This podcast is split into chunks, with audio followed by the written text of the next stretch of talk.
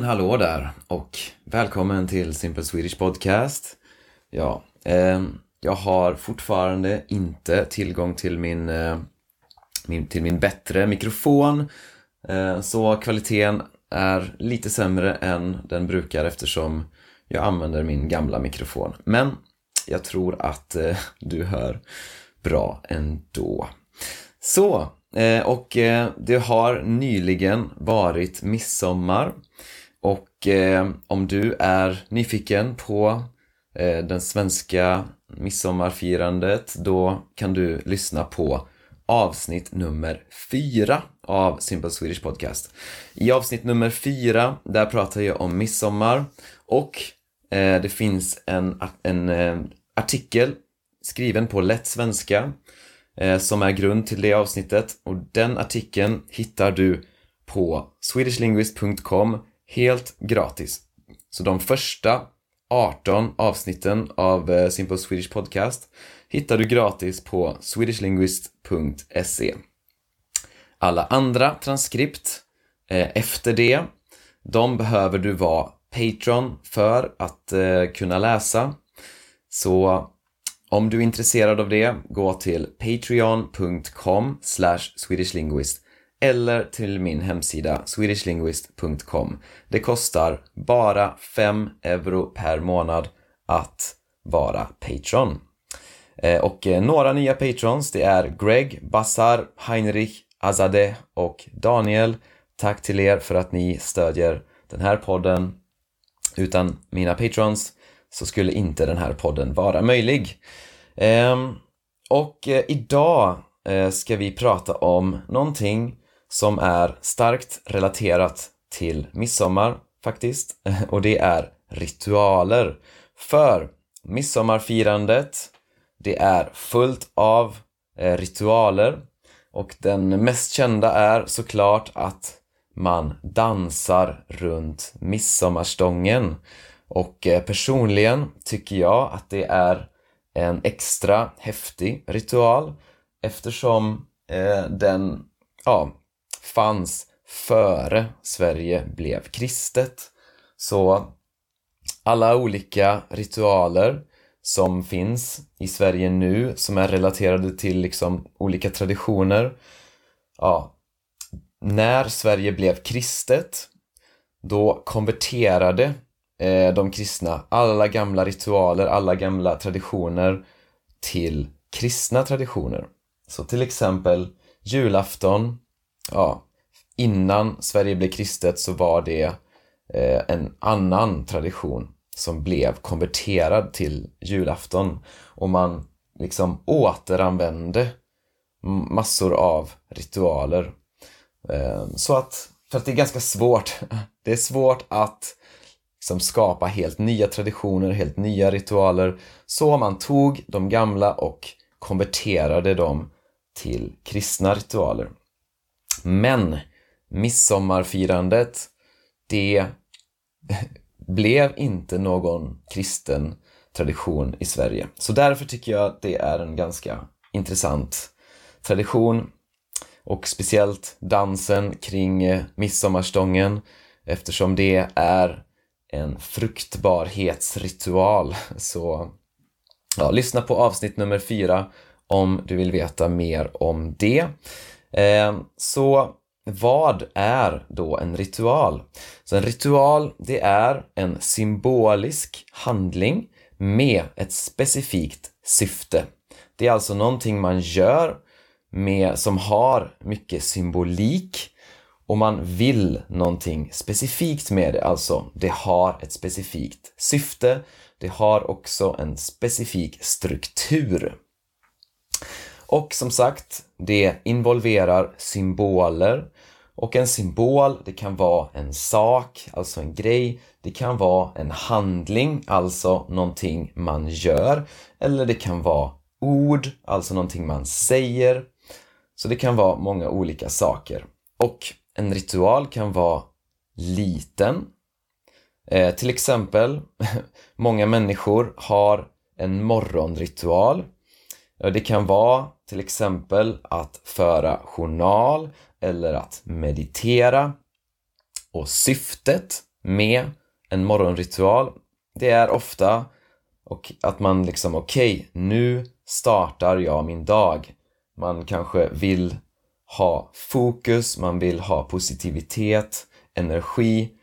Så det är liksom syftet med morgonritualen. Det är det man vill med morgonritualen. Man kan också ha en kvällsritual för att ja, förbereda sig för sömn och avslappning.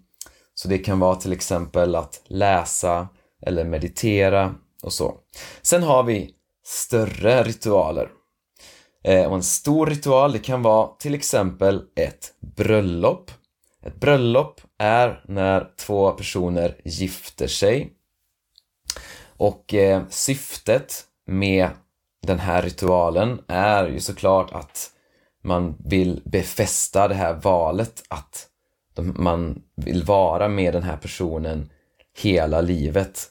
Liksom, det gör att man känner starkare för varandra, för förhållandet och man, ja, så man får starkare band, man kommer definitivt att anstränga sig mer när det blir tufft, alltså när förhållandet går genom tuffa tider så kommer man att anstränga sig mer för att hålla ihop, för att fortsätta ha förhållandet. Eh, och dessutom så betyder det att två familjer enas. Så att min familj och din familj, de kommer också att bli ja, en familj på det här sättet, liksom, när man gifter sig. Så det fin liksom, i ett bröllop finns det många olika ritualer med mycket olika symboler och, och olika saker. Så det är en väldigt stark ritual. Man, en, en begravning är också en väldigt stark ritual. En begravning, det är alltså det man gör när någon går bort, alltså när någon dör. När någon lämnar livet, lämnar jordelivet. Då håller man en begravning. Eh, och det gör man eh, i Sverige oftast i kyrkan. Och det är så alla människor som, som kände den här personen, de samlas, man är på en speciell plats, man har speciella kläder, man, man gör specifika handlingar.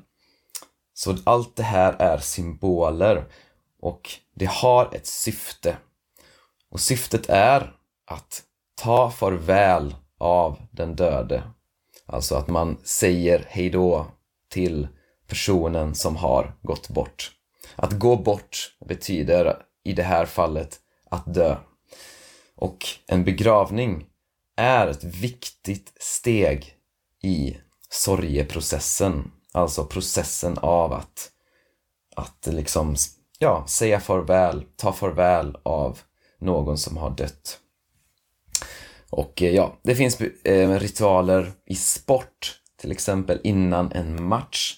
Att man, eh, att tränaren säger någonting, man kanske sjunger en sång, man har specifika kläder och så vidare. Så hur fungerar då en ritual? Och varför fungerar den? För ritualer kan vara väldigt, väldigt kraftfulla Eh, och hur mycket kraft en ritual har beror på lite olika faktorer. Så en viktig del av en ritual är symbolism. Eh, alltså symboler. Och det kan vara eh, kopplat till eh, kultur, religion, historia. Det har ofta liksom kopplingar till samhället, till kulturen och så. Och det kan också vara det kan också vara liksom personliga symboler som kanske är personliga för dig specifikt. Och det kan vara kopplat till dina värderingar eller dina erfarenheter. Så det kan vara också på ett personligt plan. Eh, och de här symbolerna, de gör att ritualen känns meningsfull. Det ger, det, det ger ritualen styrka och kraft. Så till exempel en väldigt kraftfull symbol är det kristna korset. Det är ju relaterat till 2000 år av historia, religion, kultur. Man använder korset i alla kristna ritualer. Det gör att ritualen får mening och, och därför får den också styrka. Om, eller ett lands flagga. Så flaggan, det är liksom, den, den representerar ett folk, en nation. Det är kopplat till, till historien. Och när vi använder flaggan, eh, vårt lands flagga, då känner vi oss enade. Vi känner oss mer tillsammans liksom. Vi, vi känner oss som vi. Eh, eller något litet liksom. En litet, något litet kan vara att du skriver i din journal det första eh, du gör på dagen. Och att göra någonting, det första man gör på dagen, det betyder att du säger till dig själv att det här är viktigt. Liksom. Det första du gör på dagen, du, du har en intention med det. Du skriver i journalen och det, liksom, du, det betyder att det är viktigt. Så du liksom kommunicerar till dig själv att det här är viktigt. Eh, och en, en eh, ritual har också en specifik struktur och det är också oftast någonting som man repeterar. Och det här att den har en specifik eh, struktur och att man repeterar den, det gör att man ökar koncentrationen, man ökar engagemanget. Och det här är såklart viktigt i, i en ritual och är ofta liksom själva syftet med det, att man ska bli koncentrerad, engagerad och så. Och ritualer kan hjälpa människor att eh, gå igenom eh, förändringar i livet eller kriser till och med. Det kan hjälpa en att lämna någonting bakom sig, alltså att man lämnar någonting, man går in i någonting nytt. Det kan hjälpa en att hitta styrka, att hitta motivation. Så till exempel genom att använda symboler så, så får den här processen mer mening. Och den här specifika strukturen, det gör att du blir mer fokuserad och det, det gör att det blir lättare att hantera jobbiga känslor. För om du har en struktur som är förutbestämd, som du, som du vet ungefär vad som kommer hända, då blir det lättare att hantera jobbiga känslor. Så till exempel, om du har någonting som du vill lämna bakom dig, du vill, alltså du vill gå vidare och det kan vara en person till exempel, att ett förhållande, en relation har tagit slut och du vill gå vidare, du vill lämna det bakom dig. Eller att du har en känsla som du vill lämna bakom dig. Det kan vara att du är väldigt arg på någonting eller ledsen. Så en ritual för det skulle kunna vara att du sätter dig, du fokuserar på den här känslan eller personen eller händelsen. Du går in i det, du funderar på varför har du svårt att lämna det här? Och sen skriver du ner det här på ett papper. Du kan till exempel skriva ner bara en känsla på ett papper. Och så visualiserar du hur du lämnar det bakom dig och du bestämmer dig för att gå vidare. Och sen bränner du det pappret. Du, du, alltså, du tänder eld på det pappret så att det brinner upp. Så då har du gjort en ritual som definitivt kan hjälpa dig att gå vidare med någonting. Och ju mer tid och energi man investerar, desto mer kraft har den här ritualen. Så mer, ju mer tid och energi man investerar, desto mer kraft har ritualen. Och ritualen får också kraft av andra människor, att andra människor är med. Uh, speciellt människor som är nära dig. Eh, ritualen får också kraft av symboler, kulturella referenser, historia och så vidare. Eh, så ett bröllop till exempel har mycket kraft just för att man planerar det länge, man lägger tid, man lägger energi, man lägger pengar, man bjuder in alla sina nära och kära, alla vänner, familj. Det är fullt av symboler och referenser till kultur och historia. Och det här fungerar liksom, oavsett om man själv är religiös eller inte. Så ett kristet bröllop, liksom, det är en, en ritual som kommer ha effekt på mig även om jag kanske inte är kristen. Och jag tror att det är därför som folk fortfarande har, liksom fortfarande använder ritualer, kristna ritualer, trots att man själv kanske inte är kristen.